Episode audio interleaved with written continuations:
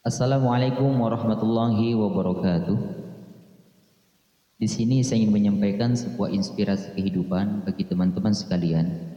Sebagai contoh, perhatikan dua buah ini tumbuh bersama di batang yang sama, tapi proses matanya yang berbeda.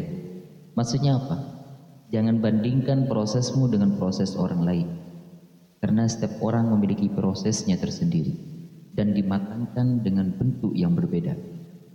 Jika rezeki itu diukur dari kerja keras, maka kuli bangunanlah yang akan cepat kaya. Jika rezeki itu ditentukan dari waktu kerja, maka warung kopi 24 jamlah yang akan lebih mendapatkannya, bahkan mampu mengalahkan Starbucks, KFC, dan McDonald. Dan yang terakhir, jika rezeki itu milik orang pintar, maka dosen dan guru yang bergelar panjang yang akan lebih kaya, bahkan mampu menduduki 100 orang terkaya di dunia. Perhatikan hitungan ini. 1 tambah 9 sama dengan 10. 7 tambah 3 sama dengan 10. 5 tambah 5 sama dengan 10.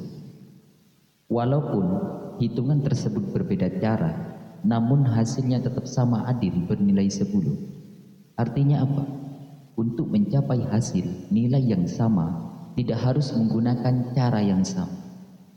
So, keep the spirit in carrying out the process and believe the process you are running is one way to success. Thank you.